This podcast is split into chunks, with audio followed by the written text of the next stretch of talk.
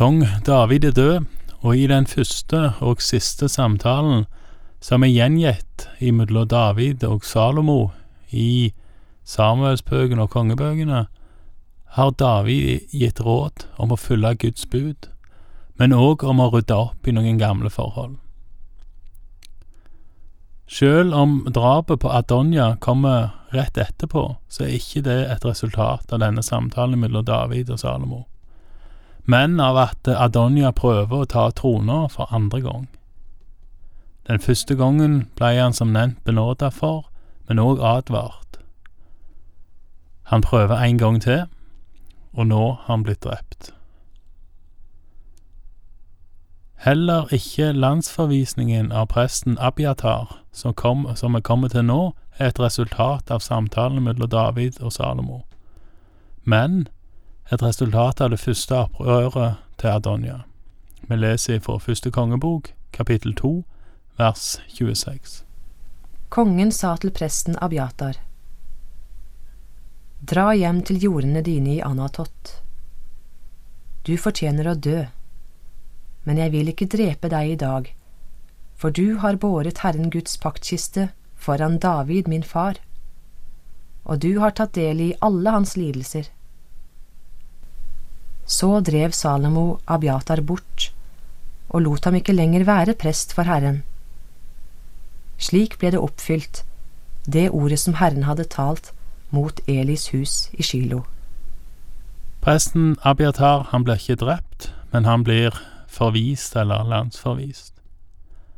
Han blir spart fordi han har båret paktkista, han har vært prest for Herren.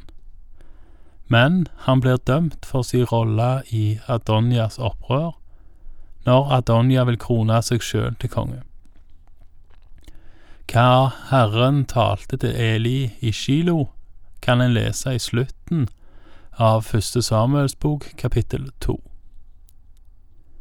Tilbake igjen til ettervirkningene av David og Salomo sin samtale.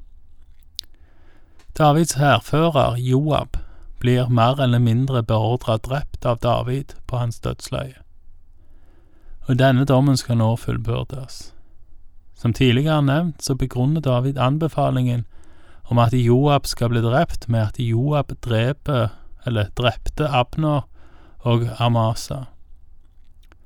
Det har slik sett lite med Adonja å gjøre, men det er ryktet om at Adonja er død som utløser at Joab blir drept. Vi leser videre fra vers 28.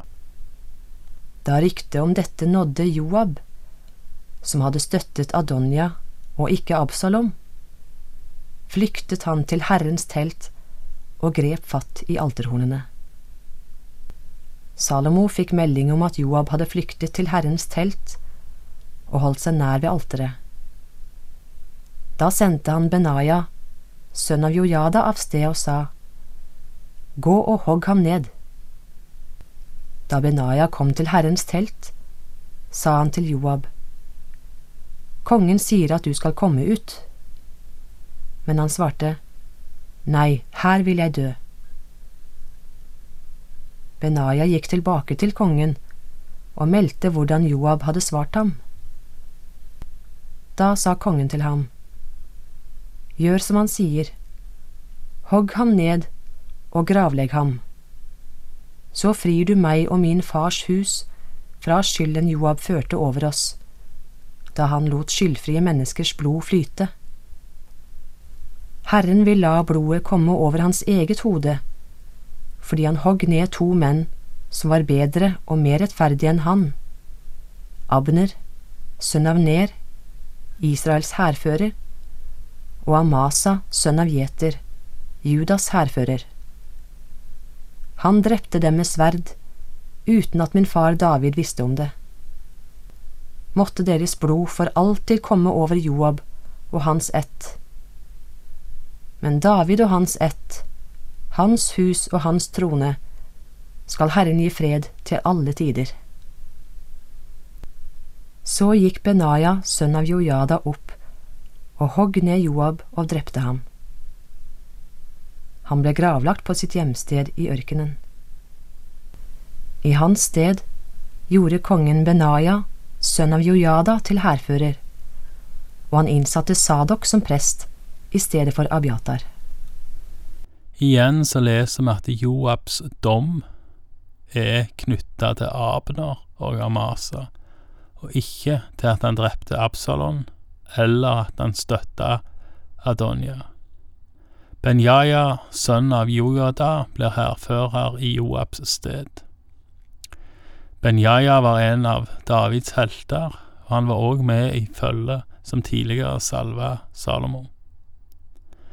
Det samme var presten Sadok, som overtar etter den landsforviste Abiatar. Mange av de sentrale i Adonia sitt opprør, som da må kunne regnes som illojale mot David, og òg Salomo, er drept. Salomo styrkes i makt. Salomo legger òg bånd på Shimi. Det leser vi om ifra vers 36. Kongen sendte bud etter Shimi og sa til ham, Bygg deg et hus i Jerusalem. Der skal du bo, og du må ikke dra derfra til noe annet sted. Det skal du sannelig vite, at den dagen du drar ut og går over Kedrumbekken, er du dømt til å dø. Blodet ditt skal komme over ditt eget hode. Shimi svarte kongen, Ja vel, din tjener skal rette seg etter sin herre, kongens vilje. Og Shimi ble boende lenge i Jerusalem. Salomo ønsker å ha kontroll over Shimi og holde han ikke i husarrest, men mer i en form for byarrest. En kan kanskje noe fleipete si at Salomo her oppfinner åpen soning. Salomo legger bånd på Shimi sin bevegelsesfrihet, med klar beskjed om hva som skjer hvis den brytes. Det går bra i tre år. Vi leser fra vers 39. Men da tre år var gått, rømte to av Shimis slaver til kongen i Gat, Akish, sønn av Maaka. Da Shimi fikk vite at slavene var i Gat, gjorde han seg ferdig og salte eselet sitt. Han ga seg i vei til Akish i Gat for å kreve tilbake slavene sine. Shimi dro av sted og hentet slavene fra Gat. Salomo fikk vite at Shimi hadde dratt fra Jerusalem til Gat og nå var kommet tilbake. Da sendte kongen bud etter Shimi og sa til ham,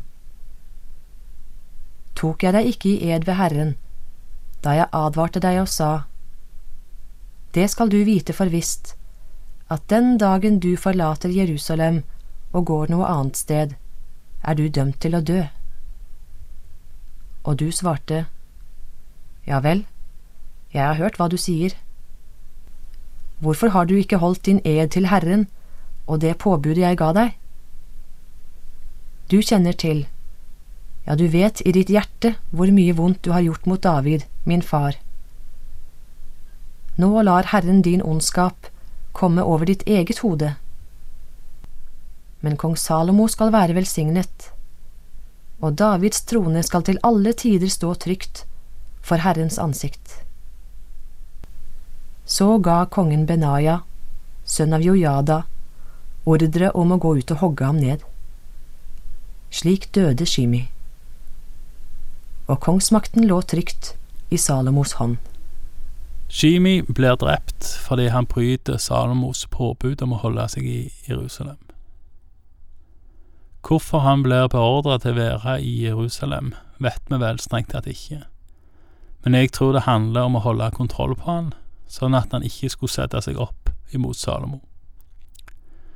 Shimi, som blir omtalt ganske grundig i andre Samuels bok kapittel 16, han var slektning av Saul, den forrige kongen og han anklager David for å ha stjålet Sauls trone, og han forbanner David og kaster faktisk stein eh, etter kongen og hans følge når de rømmer fra Jerusalem.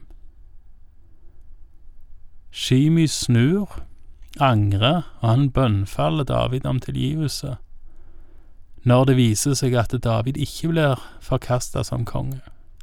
Og han er den første som kommer fra Jerusalem for å hjelpe David over elva Jordan når opprøret er over og David har vunnet. Og det er dette David beordrer han for. Men David ber allikevel Salomo på sitt dødsleie om å felle dom over ham. Det ber David kun om når det gjelder to personer. Hærføreren Joab og denne Shimi. Begge to er nå drept. Og det er òg flere sentrale personer i opprøret til Adonia.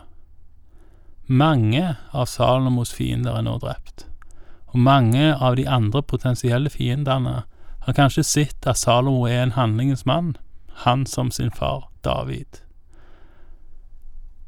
En mann som hersker med sverd når det kreves.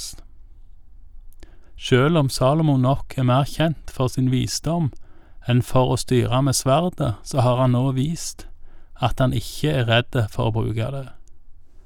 Uansett, kapittel to slutter med setningen og kongsmakten lå trygt i Salomos hånd, som vel indikerer at Salomo har klart å befeste sin posisjon som Israels konge, en posisjon som han har til sin død mange år seinere. Det får vi komme tilbake igjen til. Takk for i dag, og Herren være med deg.